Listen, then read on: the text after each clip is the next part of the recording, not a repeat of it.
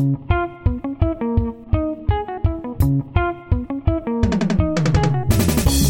Veren Podcast Upminster stüdyolarından bir yayında daha sizlerle birlikte ve daimi konuğum genç göç verenlerin sevgilisi, yakışıklı değil ama sempatik Berk Hoca ile birlikteyim. Berk Hocam hayat nasıl gidiyor? Standart. Hala çok şükür. Her ay sonunda maaşım yatıyor. Çok mutluyum. Yani standart biliyorsunuz bir kaybedenler kulübü cevabı. Öyle mi? Evet. Samimi olarak söylüyordum bilmiyorum. O zaman hemen düzeltiyorum çünkü orijinal olmam gerekiyor. Rutin. Uu, müthişsiniz gerçekten. Evet. Çalmadım ama esinlendim. İntihal diyemez kimse. Evet, çok teşekkür ediyoruz. Bize yine bir bilgi kaynağı gibi, bir aydınlatma fişeği gibi e, nurunuzu saçtığınız için çok teşekkür ediyoruz. Ben zaten misyonlarımızdan birinin irşat göstermek olduğunu inanıyorum. O yüzden Ama zaten sırf göç veren olmamız sebebiyle insanların bizden öğrenecek çok şey olduğunu düşünüyorum. Çünkü biz bu ülkenin yetiş daha doğrusu bu ülke değil, geldiğimiz ülkenin yetiştirdiği adeta birer inciyiz, birer kar tanesiyiz. O yüzden Tabii herkesin bizden öğrenecek çok şey var. tabii ki farklı topraklara ekilmiş portakal çekirdeği gibiyiz. Blue Kuraka olabiliriz. Kokteyllere katılabiliriz. Değişik lezzetler elde edilebilir bizden o derece. Peki sizin bu nadideliğiniz, bu kendinize özgülüğünüz, bunların hepsini topladığımız zaman Türkiye'de eşine az rastlanır. Fevkaladenin fevkinde bir insan olmanıza rağmen İngiltere'de bu tadı alabiliyor musunuz? Size bu kadar değer veriliyor mu burada? Tabii ki Türkiye'de olduğu gibi burada da anlaşılmıyorum. O yüzden Yani gene İngiltere'de bile aynı- çağın ötesinde misiniz? evet evet yani me, hani hep derler ya böyle işte vay efendim Türkiye Avrupa'nın 50 yıl gerisinde. E ben 50 yıl ileriye geldim hala geride. Yani Bu geride olan e, o konuyu biraz açarsanız ben tam iz, izle, ben anlarım da izleyicilerimiz aynı e, seviyede olmayabilir benimle. anladım. Anladım. Hemen açayım. Şimdi göç veren Evet. dinleyen var, göç veremeden dinleyen var. Belki onlar anlamaz. Anladım. Konumuz hangi hangi konu başlığı üzerinde ilerlediğimizi Onlara anlatırsan geleceğim. onun Sen onu üzerinden- bana sen kendini bana bırak ya. Sakin ol. Sen akışına bırak. Ama şu an sınanma kaygısı yaşıyorum. Çok tedirgin oluyorum mesela. Bunu bugün mü direkt- öğrendin? Hayır. Ben bunu yazarıyım zaten diyorsun. Cümle hayır, içinde ben buna- kullanmandan şüphelendim de böyle. Yok hayır hayır. Bugün ikinci kere kullandım farkındayım. Ama e, konusu geldi. Çünkü ÖSS konuştuk. ÖSS ve sınanma kaygısı birbiriyle Öğrenci eş- sınama evet, sınavı. İle- evet, evet öğrenci sınama sınavı. o yüzden Aa, evet yani hatta hmm, ÖSS deyince bak şu an neyi fark ettim biliyor musun? ÖSS deyince bizi anlamayacak büyük bir kitle var. E, O kitlenin bizi dinlediğini hiç zannetmiyorum ya. O kitle büyüdü. O kitle büyümüş olsa bile bizi dinleyeceğini hiç zannetmiyorum. Yani Enes mu? Enis muydu? Vallahi Enes mu yoksa samimi Berk bilmiyorum yani? ama şu anda milyonlarca dinleyicisi olan bir YouTuber'ı boklayarak bir yerlere gelmeye çalıştığımız zannedilebilir. Evet. O yüzden ben o ünlü YouTuber'ı biplerim. Post production'da atacağım onu. Ah, Ya atmak derken bip diyeceğim.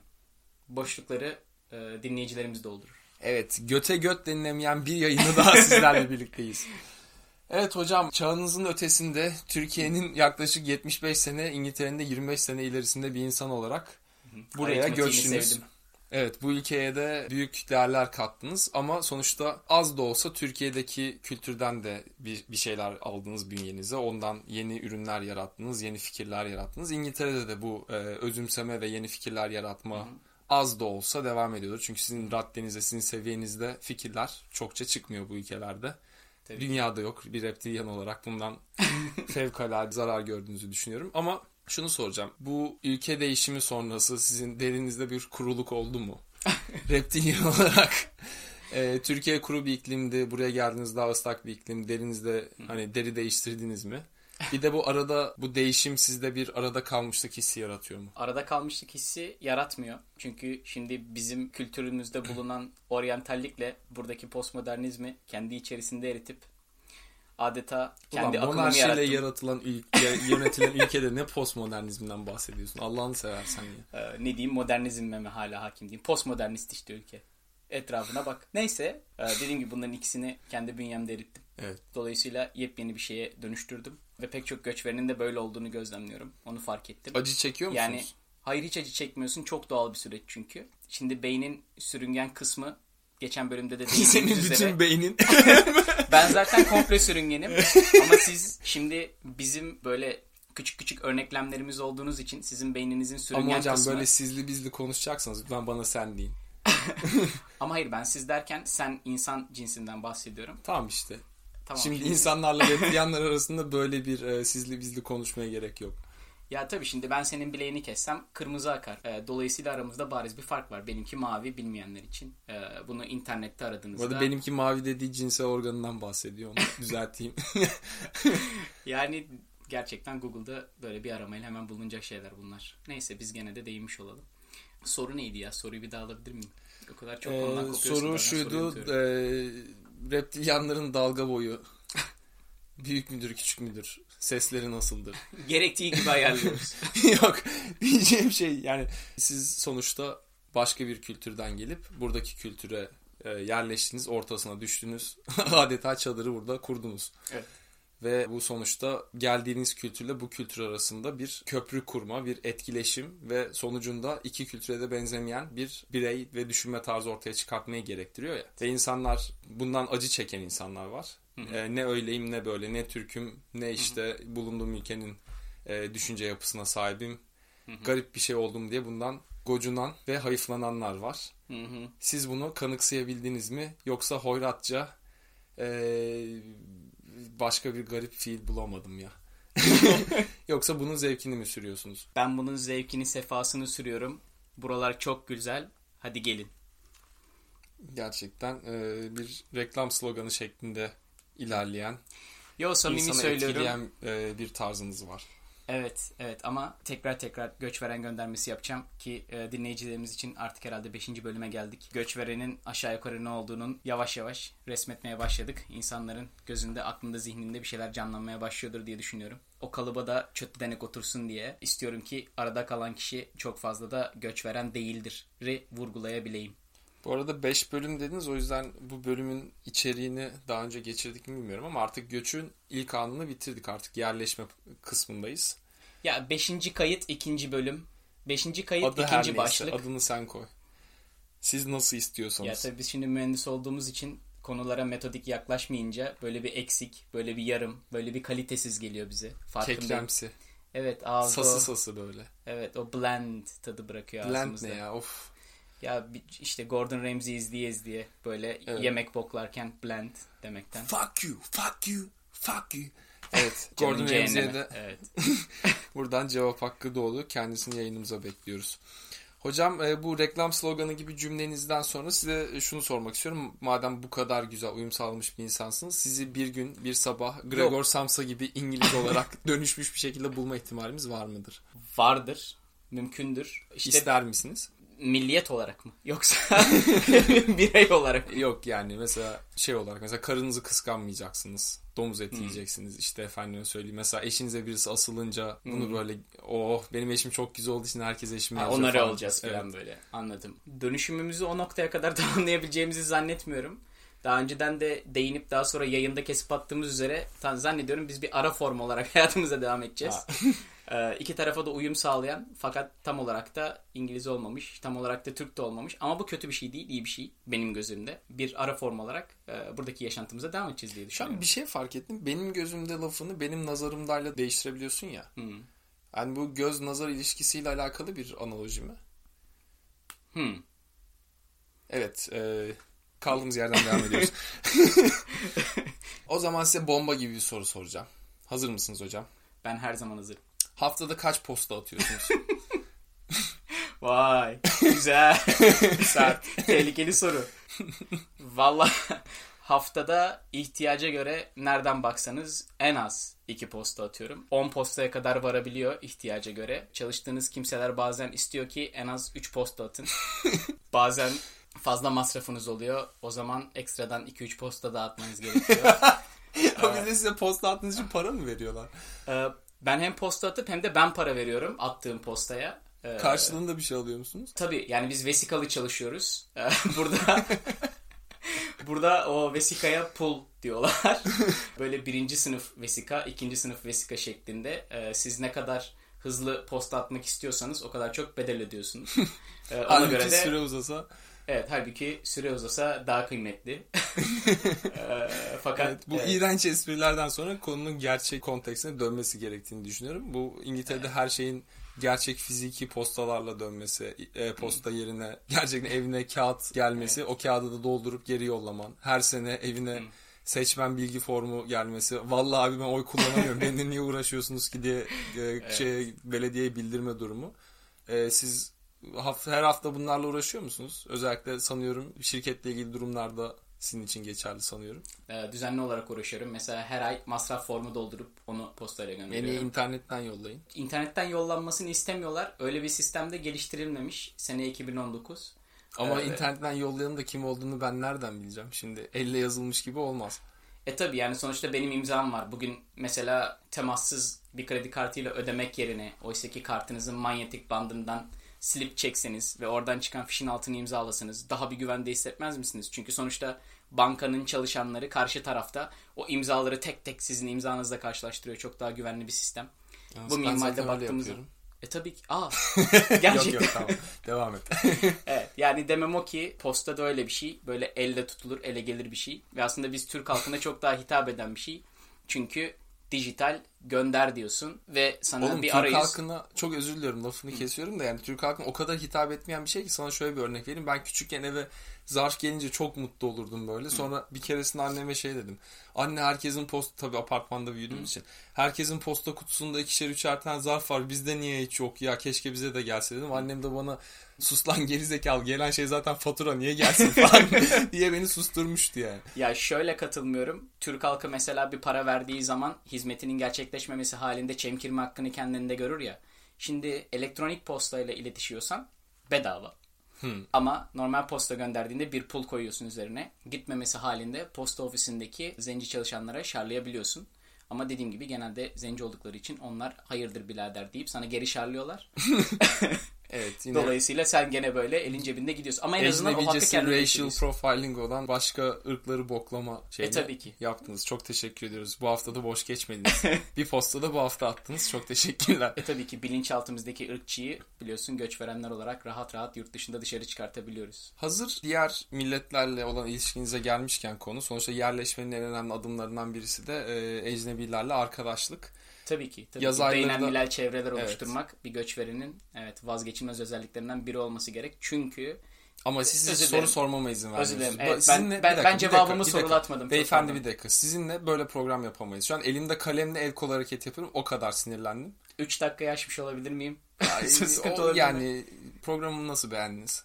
programını. Her neyse soruma geri dönüyorum. Ecnebilerle arkadaşlık artık bu fazla yerine getirmemiz gereken farzlardan biri.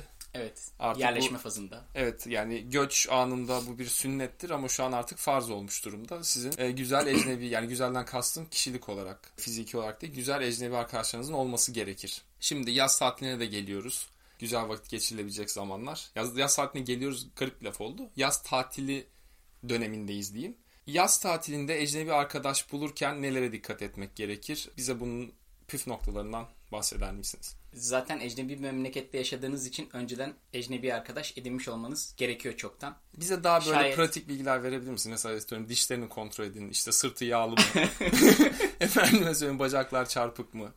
Yürürken Anladım. sekiyor mu falan gibi. İngiltere'de bu çok daha basit bir yabancıyı ayırt etmek. Mutlaka boncuk mavi gözlü, soluk tenli, sarışın olmasına dikkat edin.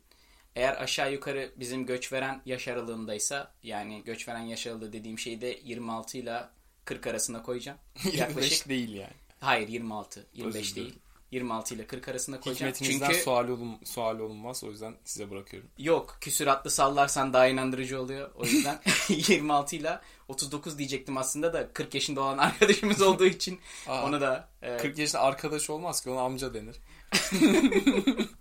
Ya biz hürmeten kendini yabancı hissetmesin, o da sürünün bir parçası hissetsin diye. Mesela Ee, kendini yabancı arkadaşımız gibi. hissetmek şu an başka bir kavram olarak benim şey oluyor böyle zihnimde canlanıyor böyle. Evet, Kendini ya- böyle Senegalli gibi hissetmeye başlıyor falan. evet ya saat satan Aliler deyip başka bir ırkçı şaka yaparak. Aa, gerçekten yani Ama pozitif ırkçılık. program gerçekten azalarak bitiyor yavaş yavaş.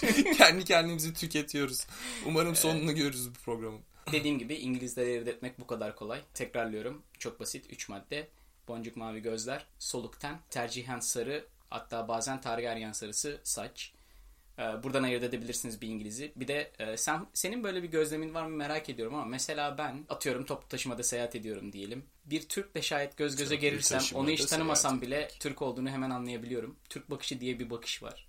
Tam olarak kelimelere dökemediğim. Yani jestlerden çok net anlıyorum ve sebebini de bilmiyorum. Ya muhtemelen aslında biz o mikro mimikleri okuyoruz ve farkında Evet. değiliz. Ee, ama ben böyle bakar bakmaz Türk olduğunu anlıyorum ve böyle yanağım, böyle dudağımın yanı seyiriyor. Böyle bir gü- gülüyorum.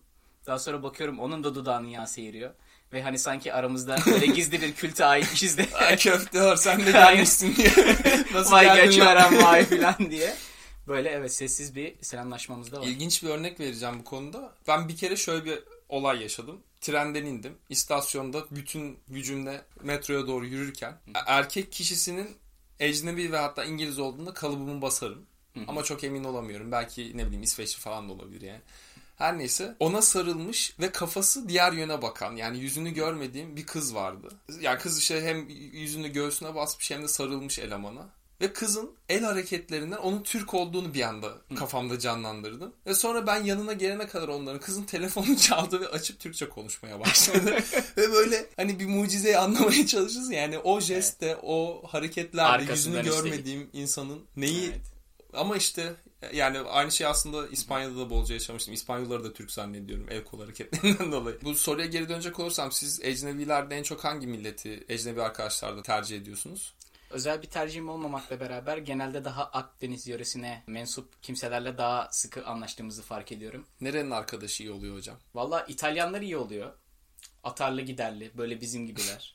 Ondan sonra İspanyollar iyi oluyor. Çok iyi niyetliler. Çok konuşuyorlar. Ondan sonra mesela hiç ecnebiyle ilk tanışma tıkanması yaşamıyorsun İspanyollarla. Evet. Çünkü merhaba diyorsun o zaten anlatıyor. Ee, ondan sonra Yunanlar iyi. Güzel anlaşıyorsun. Böyle zaten bayağı ortak noktanız var. Bu Ee, geyiği yapacak mısın diye bekliyorum şu an. Aynı Hay- Türk'ün Hristiyan. Aynı. Yok yani ama ama göç veren Ama öyle. göç verenle göçmüş Yunan çok iyi anlaşır. Genelde bu böyledir yani. Aksi bir gözlemim çok olmadı şu Evet. ana kadar. Ama ben şunu çok yaşadım yani böyle memleketlimi görmüşüm gibi işte elemanla tanışıp böyle sen nerelisin?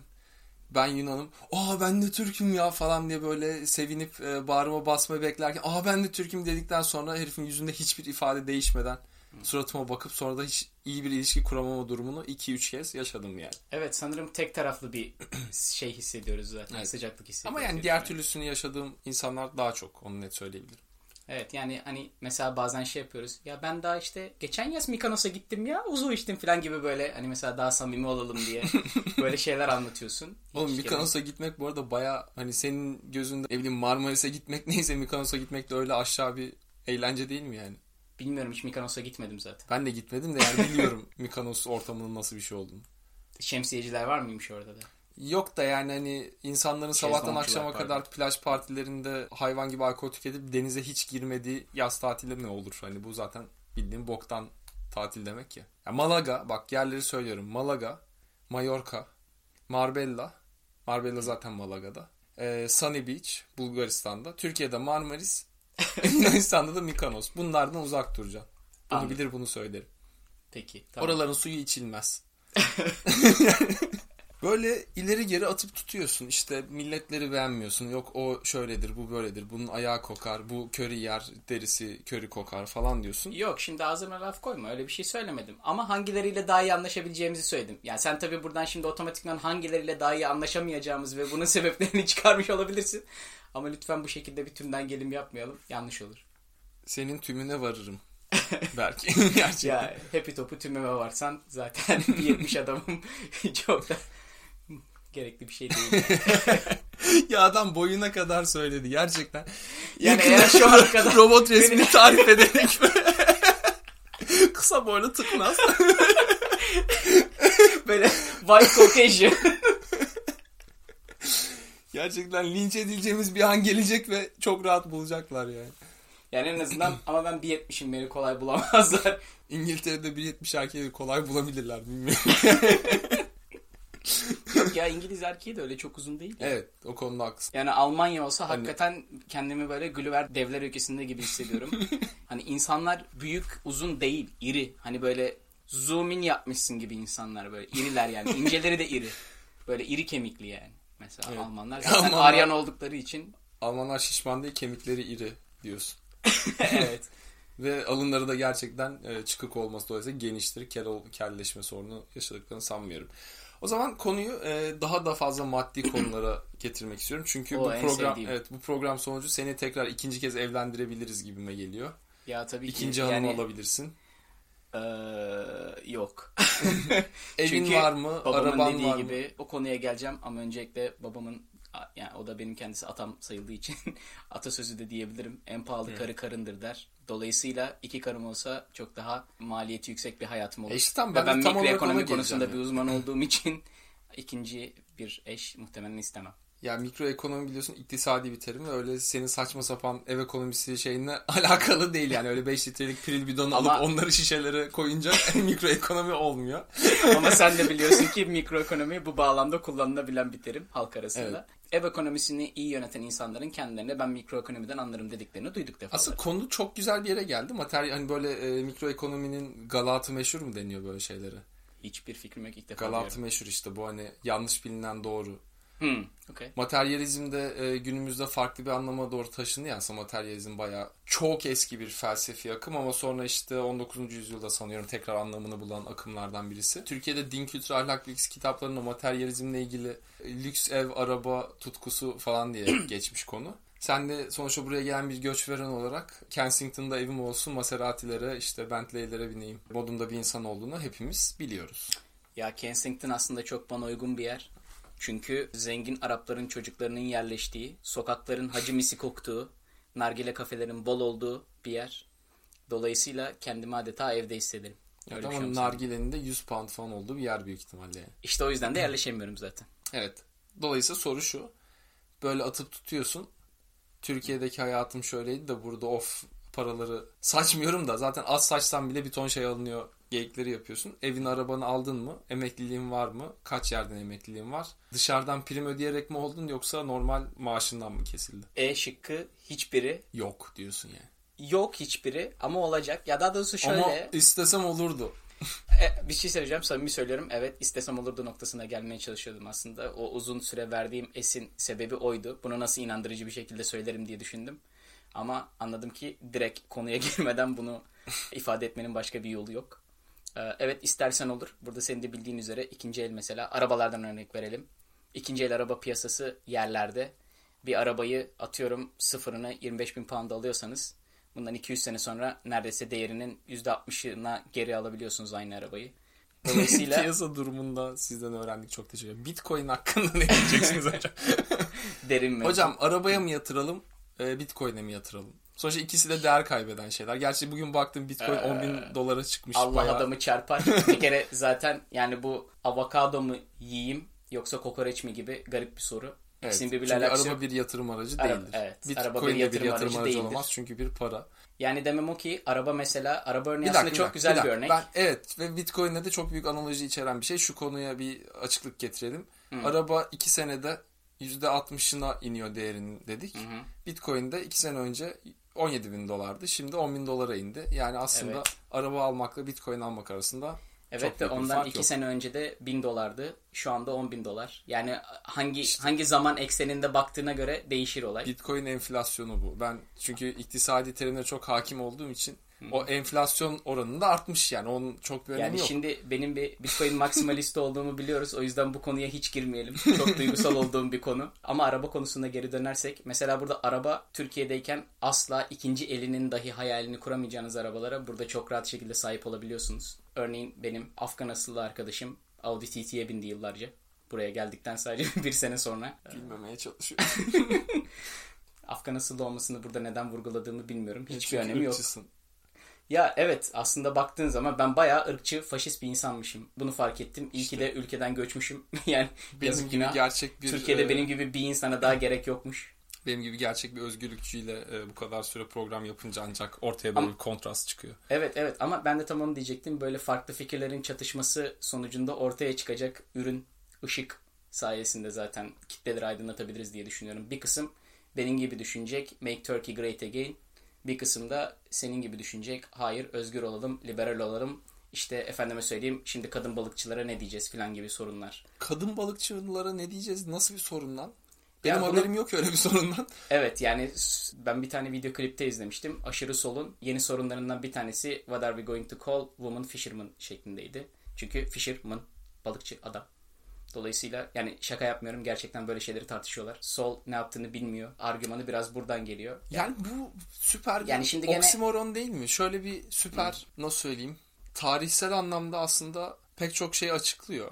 Pek çok liberal kavramın bugün batıda olmasının sebebi aslında monarşiden soyluluğa, işte bu bariz ayrılmış kastlardan sınıflar arası geçiş olmamasına uzun bir süre kadar nasıl söyleyeyim bu yapı ortaya çıkmış. Sonra da buna tepki olarak liberalizm ortaya çıkmış ve bunu hala devam ediyor. Bu çünkü yüzyıllar boyu dil etkilenmiş bundan ve şimdi de bunu böyle ayıklamaya çalışıyor. Ama öbür tarafta da dünyada gender neutral denilen e, cinsiyetsiz diller var Türkçe gibi. Ne işte atıyorum artikel dediğin işte kelimelerin daha doğrusu isimlerin cinsiyetleri var. Ne de yani Türkçe'de belli başlı kelimeler kelimeler var mesela bilim adamı, iş adamı gibi adamın daha sonra anlamını kaybetmesiyle başka anlama gelmiş artık cinsiyet belirtir hale gelmesiyle oluşan bazı itilaflı kelimeler var ama onun haricinde atıyorum o, bu, şu, sen falan gibi kavramların yani zamirlerin hiçbirisinde cinsiyet yok. Kelimelerin cinsiyeti yok. Dolayısıyla aslında bu şeyi daha Ama İyi birine açıklıyor. o demek ayıp. O. yani olabilir ama o, o konuya da sonra geliriz. Zizörlere falan sonra geliriz. Daha çok zamanımız var yani. Bu bölümde olmasa da başka bölümlerde. Şey demeye çalışıyorum. E mesela Arthur Köstler işte eski seyyahların yazılarından, metinlerinden alıp derledi. Arthur Köstler bu arada bir Macar Yahudisi, bir tarihçimiz. Dünyada da çok önemli tarihçilerden birisi ve bu aynı zamanda yarı Turancı bir tarihçi. E, çünkü Macar Turancılığı diye bir şey var ve onlar da işte Hun, Avrupa Hunlardan geldiğini düşünüyorlar ve Avrupa Hunlarının Hazar Denizi üzerinden tekrar Balkanlara yerleşip e, bizim Balkan Türklerinin de onlarla e, akrabalı olduğunu düşünüyorlar. Arthur Köser bu sebeple aslında bu Hun tarihi ve dolayısıyla da e, Hun Türklerinin tarihini araştıran birisi. Arap seyyahların metinlerinden ayıkladığı kadarıyla şunu söylüyor mesela e, Avrupa Hunlarının hayatı Hatun'la Kaan'ın neredeyse eşit haklara ve eşit yönetim haklarına sahip olduğu ve neredeyse böyle bir ülke yönetme ya da işte bir kavimi yönetme konusunda aynı güce sahip olduğu bir ortam.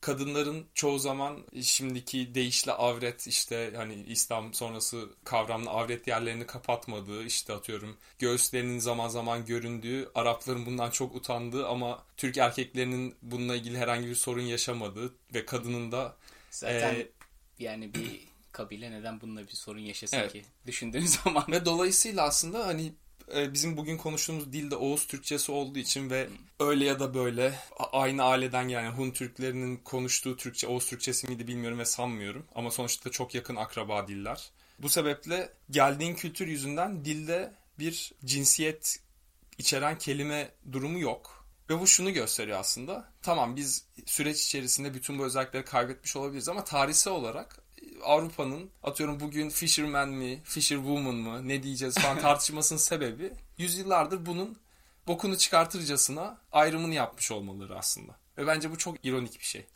Dolayısıyla konuyla hiç alakası olmayan bu pasajı dinleyicilerimize e, bırakıyorum. Ne düşünüyorsunuz? Bize e-mail olarak atın. Twitter'dan tweet olarak atabilirsiniz ya da içinizden geçirip küfür edebilirsiniz. Ya evet aslında e, konteksten tamamen bağımsız olsa da belki de arada bu noktaya değinmek lazım. Yani zaten başta jingle olarak geçiyoruz ama şimdi podcastlerde geri besleme olmadığı için bize rahatlıkla Twitter'dan küfredebilirsiniz. Yani mesela arkadaşlar konudan çok kopuyorsunuz. Bazen cümleye bir başlıyorsun yüklemi gelmiyor.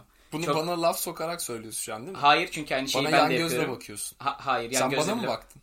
Yok benim gözlerim böyle çekik ve biraz şeyla o yüzden böyle garip bakıyormuşum gibi oluyor. Bir daha olmasın. Dikkat ettiysen robot resmi hala çiziyorum. Hani yavaş yavaş. Ee, ya demem o ki işte ne, ne türlü şikayetiniz varsa edin yani küfür edin, linç edin ki bilelim. Muhtemelen düzeltmeyiz ama en azından biliriz. İyi olur yani daha samimi olur. O zaman Bu da şu- böyle bir diyalogtan çıkar artık çok daha geniş kitlelere ulaşmış oluruz. Sonuçta binler dinliyor. Neden binlerin sesini duymayalım? Beslemesi Twitter adresimizi falan bir o zaman bir söylesem mi orada hazırsa? Ee, hazır değil ama hazır edebilirim. Tamam salla zaten jingle'ımız var.